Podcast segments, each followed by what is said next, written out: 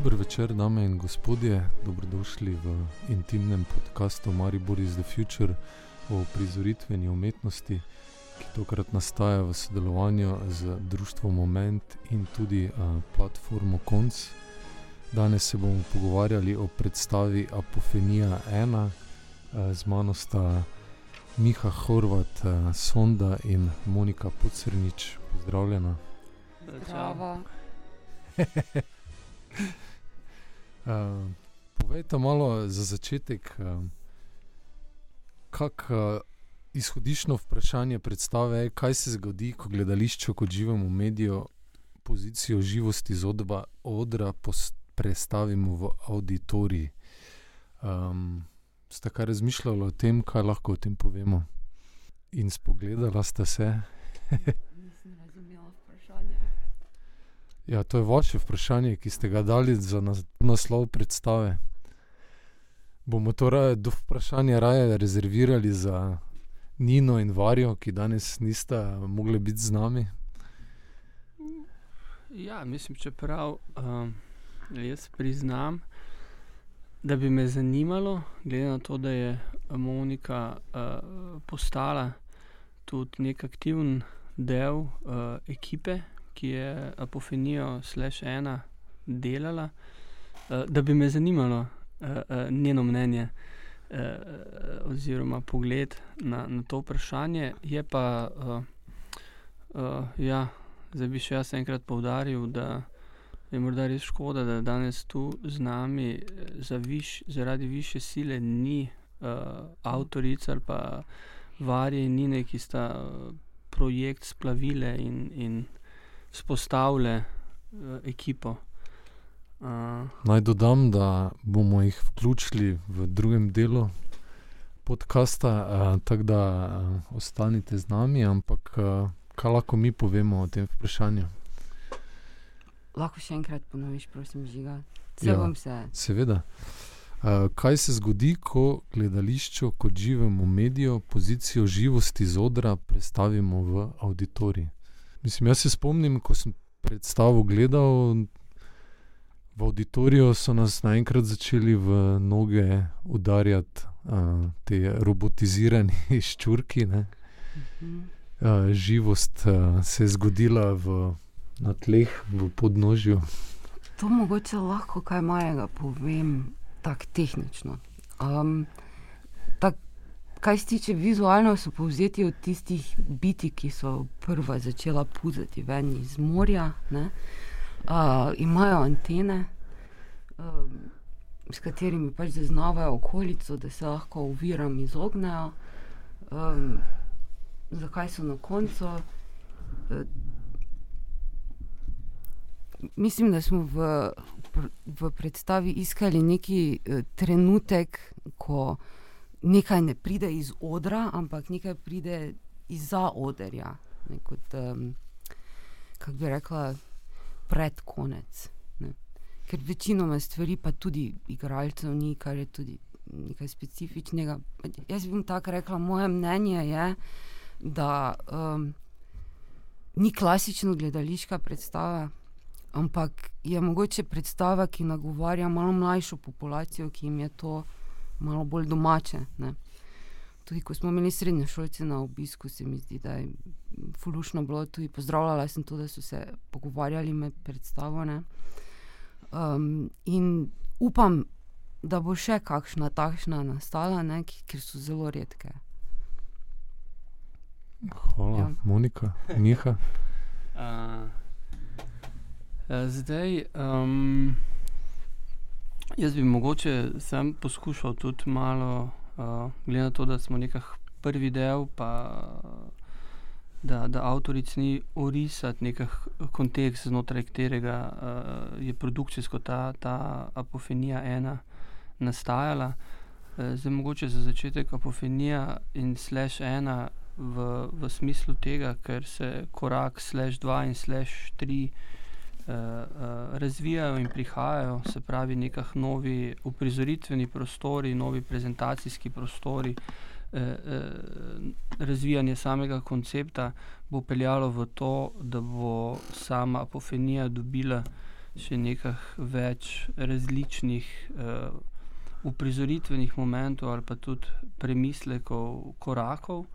Uh, nastala pa je zgodba, tako kot si rekel, žiga v, v, v koprodukciji večjih členov. Uh, moj del uh, je ta Lekons, platforma za sodobno raziskovalno umetnost, uh, kjer uh, je neka osnova, izhodišče povezovanja umetnosti, znanosti in tehnologije. Uh, in znotraj naše projektne zgodbe smo nacionalna mreža uh, in ta projektna zgodba poskuša premišljati to interdisciplinarnost uh, v smislu apofenije in nekega uprizoritvenega gledališkega projekta, pa ja, iskati neke nove uprizoritvene principe. Uh, neke nove metode uh, teatra, žanrov, premišljanje gledaliških form, mogoče vzpostavljanje nekega žanra, kaj je Monika rekla, uh, žanra nekega novomedijskega, robotskega, tehnološkega uh, gledališča. Uh, In, in, in hkrati na drugi strani, ob samem premišljanju teatra, pa tudi samo raziskovanje in inoviranje uh, v smislu nekega kolektivnega dela oziroma nekih metod, kako ljudje skupaj počnemo uh, uh, stvari.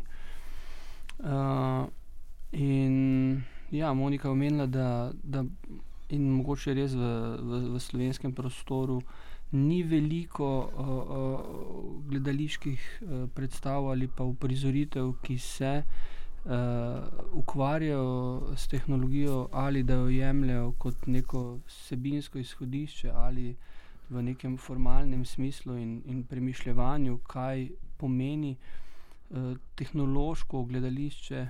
Uh, čeprav je pa uh, sva dejstvo in vsi, vsi vemo, da uh, sam teater je že vedno bil en velik robot, en, en velik avtomat, ker uh, uh, je več rečemo, delov tega stroja, ki morajo sinhrono delovati, da, da uprizoritven moment in da gledališče deluje. Ne? Se pravi, od svetlobe in glasbe, igralca, zgodbe, uh, prostora.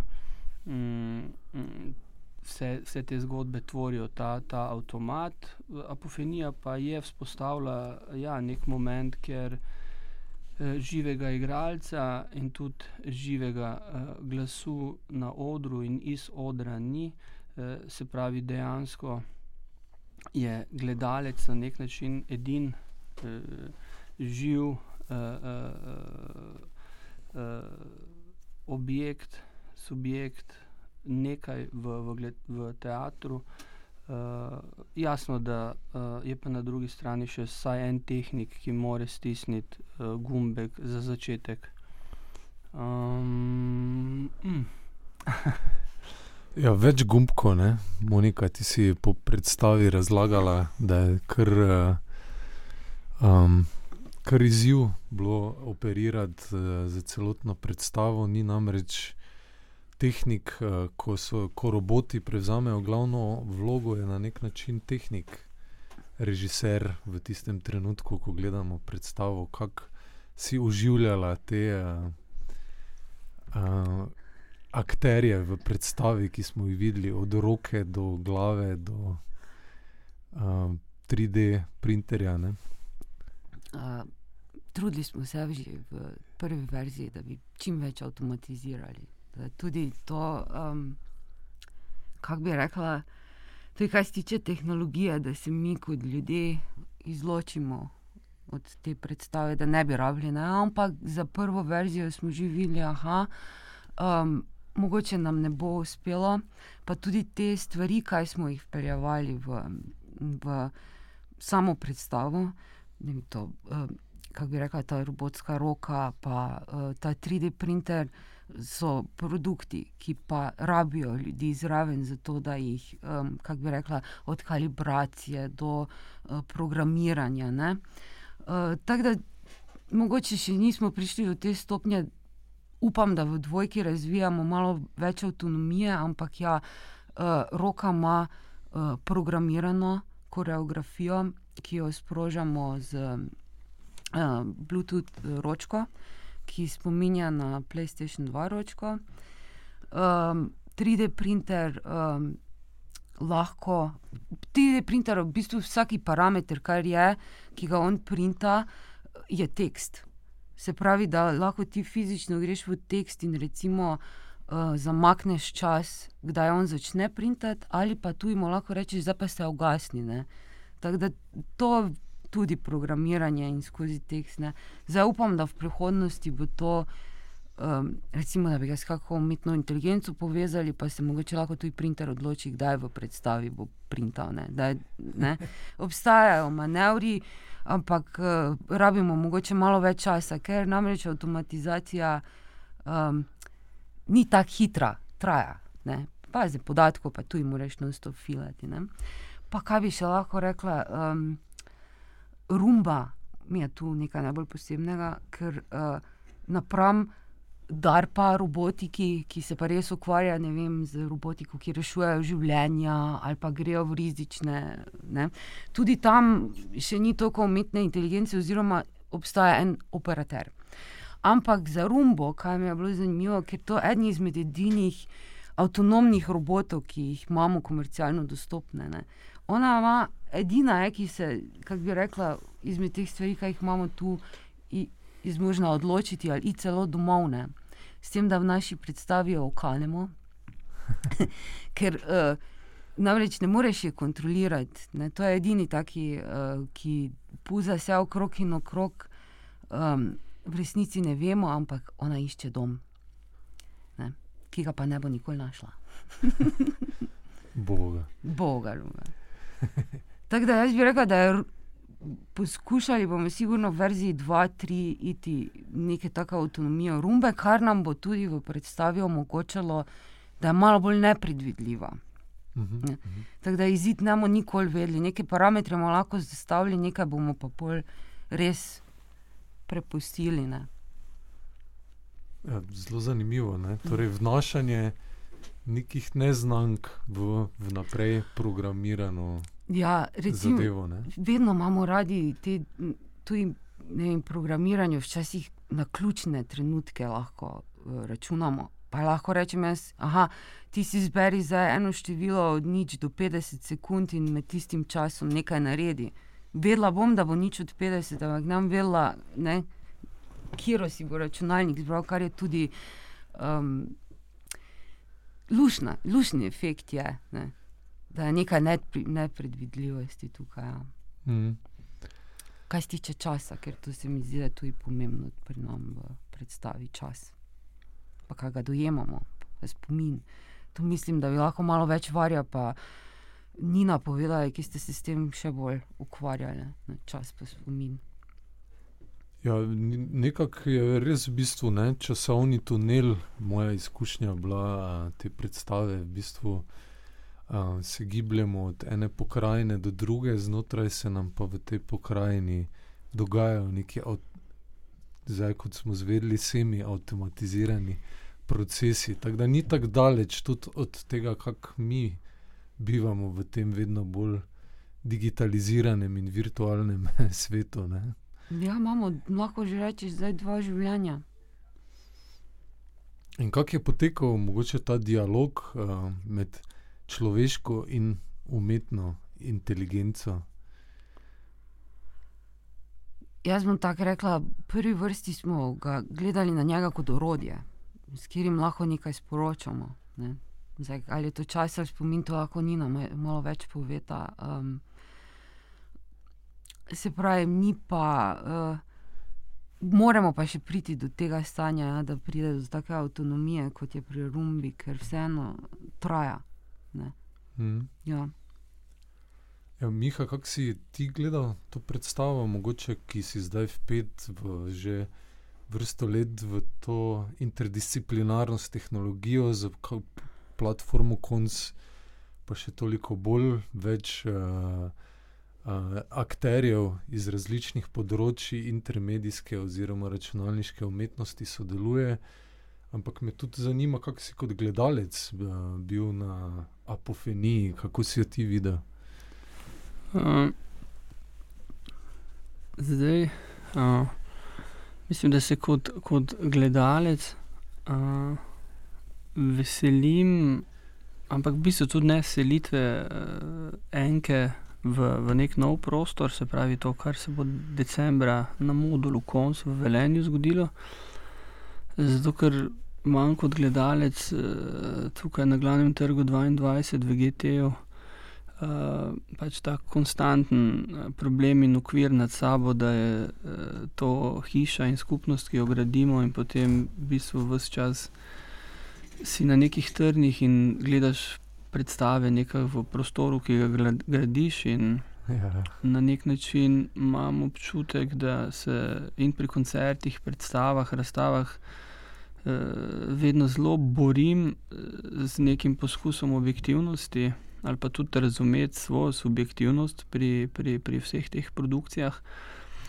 Hkrati je pa uh, tudi uh, realnost takšna, da je uh, apofenija v bistvu prvi uprizoritveni gledališki, uh, odrski projekt, ki, ki, pri katerem sem bil, uh, oziroma moja naloga je, bit, je bila producent, koproducent te predstave. Oziroma, uh, sem bil na nek način na neki strani, oziroma zauzel neko vlogo, ki je še nikoli v življenju nisem zauzel. Zdaj, če uh, sam sebe kot avtor, ustvarjalec pogledam, je situacija, ko sem mm, v garaži eh, prestopil eh, mejo in začel stvari kuratirati ali pa vzpostavljati nek eh, sodobno umetniški prostor ali pa uh, delati uh, znotraj programske ekipe, ki na udarnih, ali pa potem tudi spostavljati fundacijo oziroma GT2 kot prostor.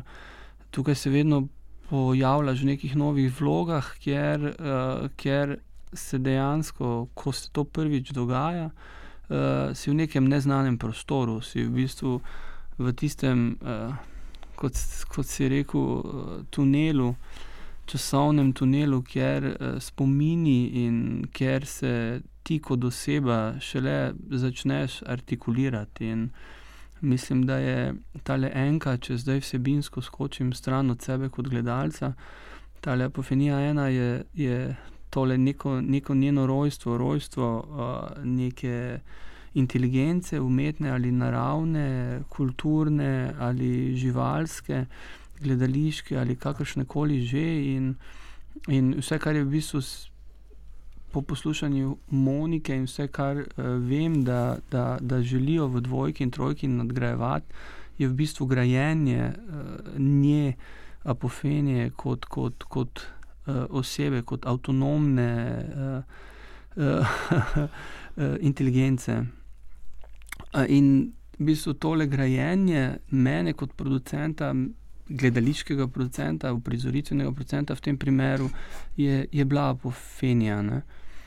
In uh, zdaj pa bi temu še dodal, da tudi vloga grajenju oziroma biti uh, del mreže KON, se pravi te platforme za sodobno raziskovalno umetnost, kjer se gradijo mostovi do. do Izobraževalnih skupnosti, kjer se, kjer se gradijo uh, mostovi do, do industrije, do, do eh, kreativnih ljudi, do razumevanja tehnologije, kjer se vzpostavljajo neki, neki laboratoriji za, za inovacije, tehnološke ali eh, družbene.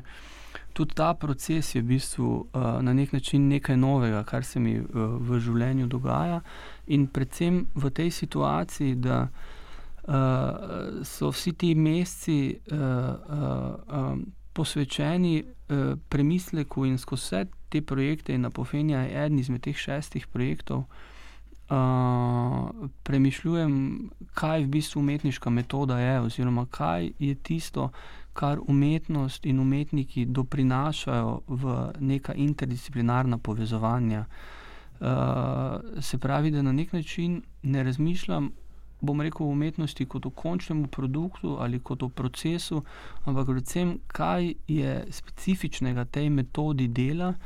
Uh, uh, in kaj ta metoda dela, uh, kot sem rekel, v interdisciplinarne kroge prinaša. Uh, in, in tukaj so v bistvu na nek način kontakti z, z univerzami ali pa z samo industrijo uh, pokazali, in procesi, ki jih imamo z temi drugimi sektorji, uh, zaradi naših projektov, zaradi naših raziskovalnih zgodb, uh, mi je zelo zanimivo, koliko. Uh, um, uh, rekel, se spreminjajo pogledi naših sodelavcev, ki z umetnostjo nimajo kaj dosti, pa so mogoče na nek način umetnost postavljali v nek okvir, uh, kako jim mi zdaj ta okvir uh, razbijamo uh, zaradi te želje po skupnem delu. Se pravi, da inženirji ali pa znanstveniki ne dojemajo umetnost več kot uh, nek okvir, neko sliko nad kaminom, ali pa je tudi ne dojemajo kot rečemo, neko grafično oblikovanje, ki pripravi reklamo za neki izdelek. Ali pa tudi ne kot neko industrijsko oblikovanje, ki se pridruži procesu proti koncu izdelovanja, ampak da, da, da je umetno, umetnost, umetnik in njegov način razmišljanja vključen v, v, v sam proces dela že na začetku. Ampak zdaj, se pravi, moram se malo za nazaj artikulirati, zdaj sem govoril o koncu in tej, tej moji vlogi, kar se mi, bom rekel, dogaja znotraj konca. In zdaj, kot producent ali pa gledalec ali pa fenije, pa kaj, mogoče ne bi rekel, kaj se mi je dogajalo. Uh, priznati moram, da. da mm, o popisih, ki jih je Monika dala o predstavi, in ker bo sta Nina in Varja sigurno zadeve še, še bolj postavila v nek konceptualni okvir, uh, je, je dejstvo tako, da me je ob tem, da je ne veliko takih predstav v tem prostoru, oziroma da se na nek način zdaj v tem trenutku pogovarja in vzpostavlja neka evropska mreža. Eh, gledaliških uprizoritvenih prostorov, ki bi se koncentrirala na novomedijske, robotske uh, predstave, oziroma ker se tudi razvita zahodna uh, in severna Evropa zaveda, da ne gledališki prostori in ne publika Eh, in ne sami producenti in avtori niso še na nek način pripravljeni na takšni žanr predstav, na takšne vrste predstav, oziroma da, smo, uh, uh, da je mogoče ta intermedijska, novomedijska scena na neki margini. Uh, uh, tale del se mi je zdel uh, uh, zelo pomemben pri sami apofeni in pri njenem procesu, uh, uh, oziroma na drugi strani sem bil zelo vesel, kako je in Andrej Firm uh, kot tehnični vodja Momenta postal del ekipe in kako je Monika, uh, ki je bila na začetku mišljena kot neka. Tehnična pomoč predstavi postala del ekipe, in se mi zdi, da tukaj sem zelo uh, zadovoljen s tem, s tem kolektivno, uh, s kolektivno metodo in delovanje, ki sta jo avtorice vzpostavile in uh, tudi uh, na nek način z eno energijo in, in načinom, na kakšen način, oziroma kako so delali. Uh, to mi je bilo v bistvu zelo pomembno, ampak spet zdaj ti ne odgovarjam na to, kaj se mi dogaja kot gledalcu, zato ker kot.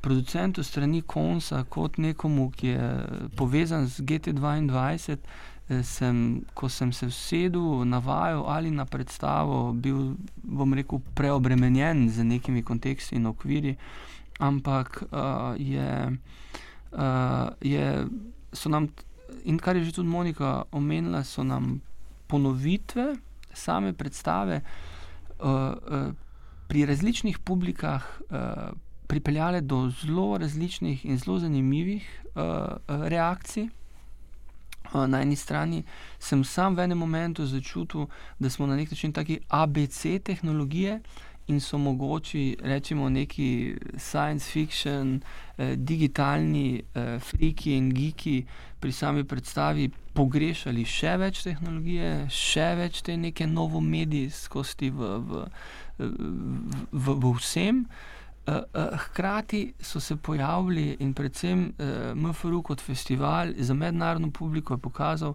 da pa so mednarodni tuji geeki in hekerji bili navdušeni nad to direktnostjo in tem ABC te tehnologije, ker so mogoče v svojih kontekstih in, in mednarodnem prostoru že naveličani te polikane digitalnosti in, in futurizma.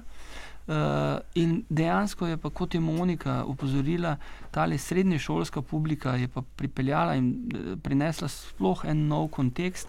In to je, uh, to je pa v bistvu neka zgodba, ki, ki končuje na nek način projektno in laboratorijsko in rešitveno iščete inovacije, iščete te, ta nova okolja za biti katalizator inovacij in prihaja do inovacij, je na drugi strani tale izobraževalni ekosistem zelo pomemben in sam srip moramo se pogovoriti umetna inteligenca, ki smo ga izdali, oziroma vse delavničarski ekosistem, pa gradi na tem, da, da nove mlade generacije dobivajo neka, neka in nova znanja, ali pa rečemo temu, večplastne informacije, da si lahko ustvarijo sploh mnenje, da ne podlegamo uh, prehitro uh, strahu pred roboti, strahu pred tehnologijo, strahu pred umetno inteligenco, ampak da v bistvu razumemo, da smo na eni strani, tudi tako kot smo slišali pri, pri predstavi, v smislu programiranja in v smislu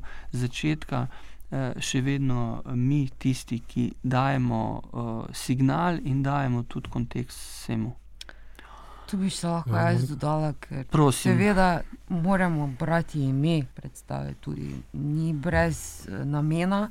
Je neki fenomen, ki se pojavlja, vse kaj se tiče psihologije, ko ljudje iščemo pomene v random informacijah, ne, kar se nam tudi dolje v predstavi zgodi. Mi iščemo pomen, o čem se gre. Ne. Lahko da ga ni in je to cela okana predstave. Ne ta fenomen, da, ga, da moramo nekam popredalčkati ali nekaj dati, ali kako bi rekla, neko rdečo nit te predstave najti. Ampak v resnici smo v oblaku informacij, ki jih še ne vem. Še zato, da se sortirajo, potrebno ogromno ljudi, noben ena nobenega pozna. Mm. Uh, in to se mi zdi tudi tako fenomenalno. Če se jaz objektivno dam kot gledalca, jaz vem, če gledam to predstavo, jaz bi tako iskal, kaj, kaj se to pomeni. Ne? uh, že tisto vprašanje, kaj je bilo prvo, jajce ali kura, zakaj. Ja. V smislu tega, zakaj bi lahko računalnik to proučevati, če računalnik se sam sprašuje, zakaj. Ne? Ker so to te tegobe človeštva, tako njemu bolj reče, logične, kot pa človeku. Ne, ja. In nam tudi reče, da smo čudni, da se sprašujemo. Tako, tako. Zakaj random prizori? Tudi zaradi tega se mi zdi, ker poskušamo malo, kako bi rekla. Um, ne animirati z objekti, ampak bolj animirati z principi, da možgančke animiramo. Da ne rabi biti več materialno, ne? tako kot ta digitalnost naj bi bila nematerialna, po narekovaj, jaz še vedno vidim kable. Ne? So pod zemljo, nimamo gori oblaka. Uh, in to je tisto, kar mi je tu fajn uh, pri teh predstavah, da, da nas dobijo da, da smo najbolj človeški, ko mislimo, da gledamo nekaj najbolj nečloveškega. Ravno zato, ker poskušamo nekaj človeškega pripisovati. Ne. Mm. Tako da komaj čakam verzijo 2, pa 3. Jaz tudi. Jaz tudi. Nina varja, vidve tudi. Ja. Ja, mislim, dobro si načela, ne, to smislo vprašati. Tudi pomen apofenije je, da išče povezave med nepovezanimi stvarmi in vse to, kar se pogovarjamo, to, kaj je konc, to, kaj je ta predstava, to, kar ste vi kot ekipa nastali, je v bistvu iskanje teh povezav in med človekom, robotom, med ljudmi, med organizacijami, med mesti, med uh, internacionalno. Mm. Tako da je v bistvu cela ta izkušnja na nek način apofenična. Je apofenična zelo. Čeprav eh, to pomeni, da je tudi šizofrena. Ne? Ja, kar pomeni, da mogoče čas in prostor, da se v teh stvarih na, na drugačen govorimo, način da. v teatru, ne da igralec igra šizofrenika, da. Da. ampak da malo, recimo, kak pa je lahko šizofrenijo ali pa to vzdušje šizofrenije, brez da skozi igralca to doživimo doživimo. Uh -huh, uh -huh. Uh, Omenila sta večkrat tudi um, grajenje te skupnosti, ne? uh, neke kot skupne inteligence, kolektivne inteligence, kako bi rekel. Um, Govore tudi o kolektivni zavesti, uh, ampak to že spet zdaj antropologiziramo, ne? neke človeške pojme postavljamo uh, na, na to izkušnjo. Um, Kako je, kak je ta proces potekal, sestavljanje ekipe, povezovanje ekipe in potem še ta mehanični, uh, umetno-inteligenčni faktor, ki pride v, v to enačbo? Gospod producent. Oh, hvala. Uh, uh, gospa soavtorica. Mm. Uh, zdaj, mogoče bi. Se jaz mislim, da drugače, kot da uh, uh, sami sebe na stvari gledamo in da jih antropo, antropologiziramo. Antropologiziramo. To mi je, to mi je všeč, ko mi je antropologija, kulturna antropologija osnovna disciplina. Uh, uh, Vse drugače uh, ne znamo, ne moremo in niti ne potrebujemo. Ne? Mi bi se s tem mogli enkrat za vse le, se mi zdi, kot, kot, kot vrsta e, soočiti in, in sprijazniti in potrditi to je to. Ne. Profesorica, ki me je v feminizem in filozofijo vpeljevala, je zelo dobro povedala, da moški je moški, ženska je pa ženska, in vsi trans so vsi trans, in, in različni smo, in decet. In tukaj je, je to dejstvo, ne? zdaj o, o tem antropo. To bi bilo samo paleo. niti, Mislim, ne, niti izgovoriti. Uh, zdaj pa um, uh, tehnično, kako je, je zgodba uh, uh, se razvijala in šla. Uh, konc je v bistvu v uh, samem svojem začetku, kar se tiče uh, tega um, konca. Eh, nove, se pravi, teh uh, novih projektov, uh, na nek način na tri nivoje deloval. Nekatere zgodbe smo poznali in vedeli, ki jih želimo uh, producirati, uh, uh, nekatere zgodbe smo iskali in za nekatere zgodbe smo dali tudi nek odprti poziv uh, uh, mednarodni javnosti, da so. Na to enkratno možnost, ki so ti ta kohezijska sredstva ponudila slovenski intermedijski sceni, uh, odgovorimo, oziroma da ponudimo v bistvu vsemu globalnemu svetu, znotraj katerega uh, mislim, da slovenska intermedijska scena zelo dobro uh, eksistira in zelo dobro kotira, da ponudimo. To mrežo in ponudimo most, da ljudje tudi ponovno pridejo v Slovenijo in razvijajo neke stvari. In v bistvu so se Nina in Varja prijavile Eh, z nekim osnovnim konceptom na, na sam projekt. Uh, laboratorij KONS v Mariboru, ki, ki deluje znotraj MKC-ja in ki ima prostore na Koroški 18, je, je v bistvu po debati znotraj KONS-a postal oziroma razvija se v laboratorij za robotiko in urbano transformacijo. Uh, nekah, univerzitetna zgodba Maribora in tehnična univerza, strojništvo tukaj in, in vse, kar so na področju robotike uh, uh, v Mariboru dosegli, je bila neka izhodišča, da je mogoče to tisto polje, kjer naj ta Mariborski laboratorij začne delati. Um, bom rekel, neka je Mariborska ekipa dodala to urbano transformacijo v, v smislu tega, da Eh, se poskušamo in na izobraževalnem nivoju povezati s čim več akteri, in da poskušamo vzpostavljati nove prostore in delovati v novih prostorih, in da poskušamo tudi skozi projekte razvijati in premišljati, kaj je ta eh, transformacija in kaj je urbana transformacija. In uh, uh, zgodba tega, da je ta robotski laboratorij se pojavil uh, in razvijamo ga v Mariboru, je pripeljala do tega, da je Varin in Ninin projekt, uh, ta ideja nekega robotskega tehničnega gledališča, bila zato idealna. hkrati je pa seveda z, z, z ljudkovnim gledališčem, z, z največjo tovarno uh, gledališča v državi, kar je SNG Drama, Baled Mariboru z nacionalnim gledališkim festivalom, so bile vse, vse to neki konteksti, kjer uh, in zaradi katerih je potem programska ali pa vsa ekipa konca nekako potrdila to, da imamo.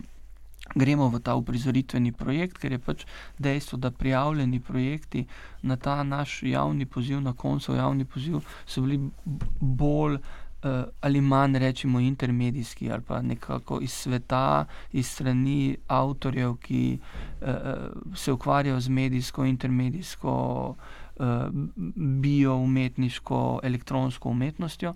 In sta, bom rekel, Nina in Varja kot, kot agrofotejki ali pa gledališnici na nek način štrleli ven iz te zgodbe, ampak hkrati. Uh, uh, uh, pa nas zgodovina uči, da to štrlenje ven, da te napake, da ti gliči, da ti heki eh, so pripeljali do, do sprememb v DNK-ju.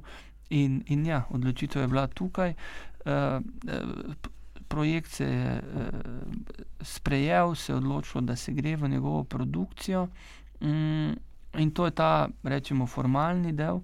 Zdaj, tale ustvarjalni uh, del, uh, je pa nekaj, kjer uh, se pravi, je Mariborski kons in MKC pristopil do, do, do društva Moment. Uh, če bi soproducirali to uh, predstavo, uh, Nina in Varja sta tudi kot soproducente, ker bodo nove verzije Apofenije nastajale. Spostavljen most z, z bunkerjem in za staro elektrarno, Potem smo skupaj še spostavili most z Cankarjevim domom in ena izmed zgodb se bo zgodila v Štihovi dvorani, Cankarjevega doma naslednje leto. In to je nekaj, potem so bili naslednji koraki, in kot sem pa že omenil, Andrej in Monika sta pa kot. Eh, avtorja, ki, ki delujeta v Mariboru, ki uh, sta del skupnosti GT2 uh, in tudi izobraževalnega konca preko delavnic in razvijanja delavnic, uh, tukaj govorimo o Moniki, uh, sta seveda bila.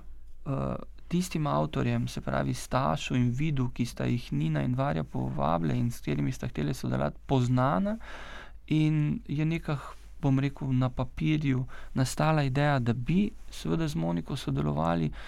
Ampak to sodelovanje, sem pa rekel, je pa prišlo iz nekega tehnične podpore do soavtorstva.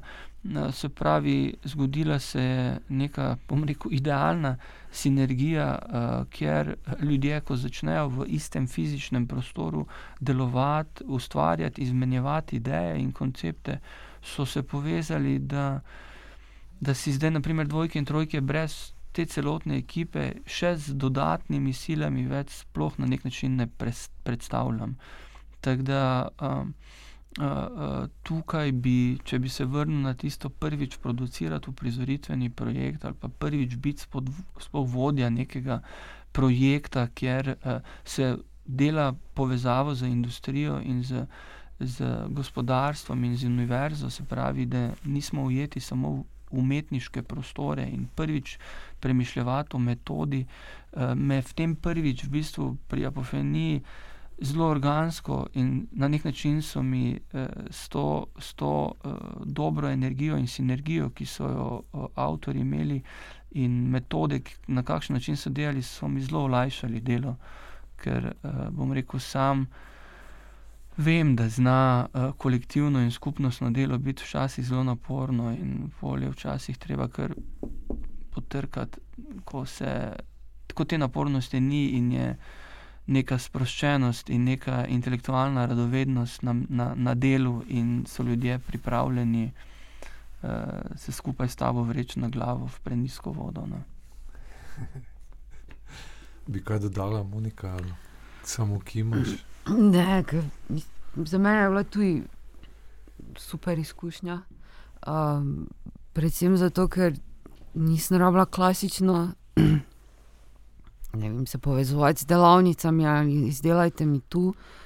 Um, bolj kot ne smo mogli vse sami narediti, kar je tudi statement. Ne? Um, čeprav upam, da bomo v verziji 2 in 3 mogoče še kako institucijo se povezali, da se to malo bolj izpili, ampak že to, da eh, smo kot ekipa zmogli vse to sami narediti, um, mi daje upanje, še, da bo več tega. Ne? Malo manjka mi. ja.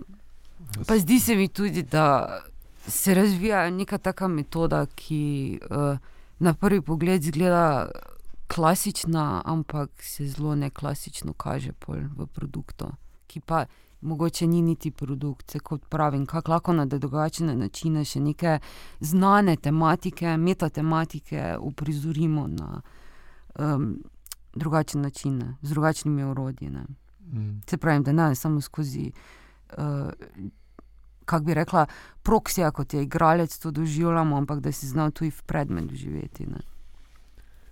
Ja, mislim, mislim, ja. Če, prosim, ja. Ja. Uh, uh, ne bo nehal. ja, stare, to je res. Ampak ne, nadaljeval bi sam iz, mm. iz te uh, nekaj naredi sam uh, logike, uh, uh, ker se mi zdi, da je in na tej strani je tale uh, hekersko-gikovska uh, nastavitev Staša Vrenka in Monike pod nič uh, in tudi vida uh, uh, bila napram neki, neki gledališki, uh, pa i dajmo reči danes agrofotojevski logiki Nina in Varje, ampak je odprtost z obeh strani uh, uh, bila uh, fenomenalna in, in uh, izmenjava in to dopolnjevanje in skupno razmišljanje uh, je delalo tisto sproščenost in to energijo. Ne? In uh, uh, to, to se mi zdi nekaj ključnega pomena. Prej sem rekel, ta intelektualna radovednost kot nek pojem, uh, se pravi, da so, da so vsi v kolektivu, v nekem interdisciplinarnem kolektivu tako odprti in toliko radovedni, da se skupaj eh, na, na, na pot neke, eh, nekega koncipiranja ali pa nekega učenja podajo. Ne? In, in potem je to, bom rekel, pa tudi sami vsebini pripeljalo do tega, da je tudi to nekaj, eh, kam, kam naša apofenija gre, se pravi na, na ta žigatov tunel spominov in nalaganja plasti. Uh, uh, tvoje zgodbe, ki uh, uh, bom rekel, lahko odrašča in dela te korake proti avtonomnosti in, in popolni avtomatizaciji, da ne potrebuješ nobenega tehnika, zdaj si bom celo privoščil, da ne potrebuješ niti več gledalca. Ja, se to imam še v bistvu samo eno vprašanje, ker pogovarjamo se o ekipi, o ljudeh, o organizacijah, ki to v igro pride robot, ne? rekel si, moški je moški, ženska je ženska, trans je trans, različni smo. Koliko so pa roboti različni od nas ali pa med sabo, vsi načeloma funkcionirajo po enkah, pa nulah, ampak jim to različnost mi, ko jih gledamo na odru, damo, položimo uh, v ta predmet, kot si rekla Monika. Kako si, kak si ti mogoče z njimi funkcionirala, ne samo z ekipo, ampak z akterji te predstave, kako jih gledaš v tem procesu? Jaz bom rekla, da sem pa kar uh, toga in trda na začetku z vprašanji, zakaj mora biti tu printer, zakaj mora biti tu roka. Tak, to so bila res ona vprašanja, ki se mogoče vsak, ki se bo vsedel tam na oder, vprašal. Razen če je nekdo, ki je iz te novomedijske scene in mu je tako fajn, da se pa končno vidim printer v scenografiji. Um, ampak se pravi, ravno zaradi tega fenomena ni bilo nikoli vprašanje, zakaj je to tam, ne? zakaj pa ne. Um, pa tudi to je že tu. Patenti so se pisali, kar se tiče komercialno dostopnih teh stvari, že v 80-ih. Zakaj se pa tiče vprašanja spola? pri robotiki. um, tu pa imamo več smeri. Ne, lahko, jaz bi tako rekla, od robotskega sesalnika do ljud, ki jih uporabljamo za take ali drugačne namene in so zelo popularne pri moški populaciji. Ne, uh, se mi zdi, da ženski, tudi ženski, verjetno, ampak verjetno v manjši meri kot pa moški. Ne. Zdaj, če že žensko, moško, se mi zdi, da uh, se mora moško skozi predmete bolj odejstvovati kot pa žensko. Recimo. Um, da, pa tudi zato, ker prve programerke so bile ženske.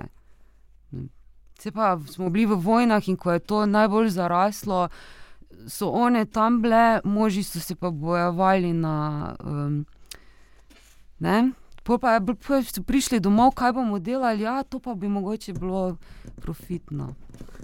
In ostalo je zgodovina. Um, mislim, da še le zdaj, uh, kot čebulo, lupimo to zgodovino in jo poskušamo opisati na novo. Mm. Pa da je tu fajn, da je PFNija ni čist uh, heterogena, zaprta skupina z samimi moškimi ženska režiserka. Ka, ja. ja, kaj pa tvoj odnos, kakšen odnos z temi roboti vzpostavlja, z rumbo, prej si govorila o njej kot. Ja, boga rumba. Ne? Ker naenkrat ja, si ji pripisovala neka čustva, ki jih nima, oziroma nek, nekaj, kar ona ne more doživeti. Ne? Tako da jaz jih res doživljam kot, um, mogoče kot bitja. Ne? Z Sam, njimi Pač... Sam je to, če lahko mm. letim. Uh, ker uh, akteri v predstavi, ne, mm. se pravi, uh, roboti, 3D printer, rumba, mm. oni so različni. Ne. So različni. Oni so dost in, in tudi uh, se mi zdi, da je to ena izmed nalog uh, gledalca, uh, uh, da vsaj malo uh, premisli, v čem je ta njihova različnost. Ne. Ker uh, na eni strani govorimo o, o, o, rečimo, o akterju, ki se mu spiše program, mm. ki se mu pove, kaj mora delati, ki se mu pove, kdaj mora delati. Na drugi strani imamo nekoga, ki je zelo bazičen, primaren, aha, mm. tja ne smem, tja pa lahko, tja ne smem, tja pa lahko, pa sem poganja ga stvar naprej. Na drugi strani imamo rumbo, ki ko uh, postane, če karikiramo, lačna, se odpelje domov, drugače se mm. pa vozi in naredi svoj zemljevid prostora in ga bo prevozila. Uh, uh, uh, Slejko prej uh, popolno, oziroma imamo na neki strani uh, akterja, ki zna narediti samo eno stvar in to je razrezovati stvari, mm. oziroma imamo akterja, ki mora biti popolnoma robotiziran, da sploh mm. začne kaj delati. Mm. Se pravi, oni sami, in če še dodamo tukaj video projektor, mm -hmm. so popolnoma eh, različni. Mm -hmm. Druge karakteristike, druge vloge, druge osebnosti izražajo in lahko preberemo, -hmm. delajo druge koreografije, uporabljajo druge gibe, -hmm. so uprostorjeni na drugačen način, ne? ker eni iščejo svoj prostor, eni ga, eni ga uh, raziskujejo, eni. Uh, eni so postavljeni v prostor in se ne morejo premakniti. Se pravi, če začneš vse te uh, karakteristike prebirati, prideš uh, jasno do te različnosti in drugačnosti. Ne? Je pa res, da bi lahko tudi na njih gledal kot, uh, kako bi rekla. Vem, za specifično, za roko, vem, da naj, najboljši izum, ki ga je človek lahko razvil telesno, je bil uh, to, da lahko palec in prstanec ne, povezujemo. Ta, ne, to, zato imajo robotske roke, tako kako bi rekla. Um, Tako izgledajo, kot izgledajo. To je res bil naš najboljši izum. Vse, kar je ostalo, pol prišlo, kaj smo z rokami delali, jaz pa oni, ne? Um, Tako da roka, roko jaz vidim, jaz, ne, kot, aha, jaz kot gledalec bi rekel, da je tisti naš izum, ne, ko ga imamo. Zdaj pa smo ene podaljške naredili, ki so celo malo bolj natančni kot mi. Ne. Pa ne, rabi, ne rabijo jesti, ne rabijo spati, samo elektriko in enega servisera in to šibane. A printer, a kipari, ne. Uh, ampak. Seveda, vsak kipar ima drugačno roko, ne bo isto naredil, ta stvar pa vse isto dela, ne, kar je tudi uh, lučka bo vedno isto izgledala, ki jo bo robot naredil. Ne? Če pa nekdo drug naredi kako lučko, pa ne bo. Ne? To, je, to je tisto, tudi, da je repeticija. Mhm. Ja. Um, Čeprav za jajčko si rekla, da je bila vsaka drugačna, ki jo je printer. Sprintal med predstavo. Tako, ampak to je zaradi tega, ker je tudi timing, pa temperatura, pa vlaga v prostoru, kar tudi moramo upoštevati. Da te, A, da, da, okej. glej, se pravi, mi kot gledalci smo popolnoma odrezani od teh, te realnosti in se s tem ne rabimo ukvarjati. Ampak mene kot gledalca tehničnega, pa to na nek drugačen način pretegne. ne.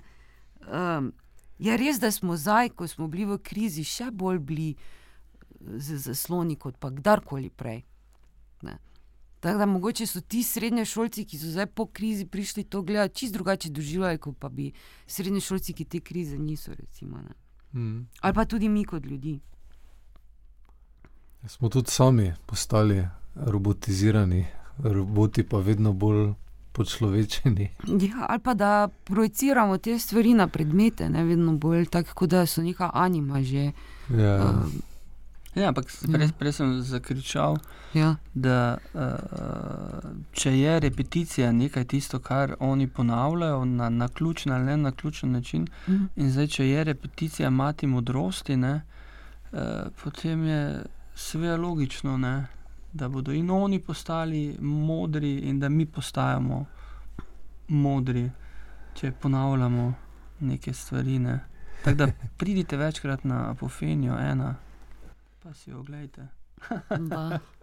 Ja, in tudi mi bomo ponavljali ne, ta podcast, eh, drugi del bomo eh, posneli z Varjo Hrvatin in Nino Ramšak, Markovič eh, v Ljubljani, ker se danes zaradi bolezni nista mogli biti z nami tukaj v studiu v GT2. Več, in to je, to je kako zgodba raste. Ne? Tako je. V bistvu sta in Boki in ti uh, uh, spet že postala, že most do nečesa novega. Ne? Tako da mislim, da sva te dobro opremila z Moniko za pogovor z avtoricami, Ja, zelo. oziroma s tistimi uh, sorsi, viri apofenije. Tako, eh, hvala vama ne, za ta zanimiv pogovor in predstavo. Prosim. Hvala. Hvala, da ste prisluhnili uh, ta podcast, slash ena, apofenija, slash ena. Komaj čakamo na podcast, slash dve, apofenija, slash ena in apofenijo, slash dve in apofenijo, slash tri. In Vmes pa Podcasti, ki ena pika dva, ena pika tri, veš, tako pod naslovi. tako množimo se, ne? niso samo enke in nule. tako da Tako kot programi.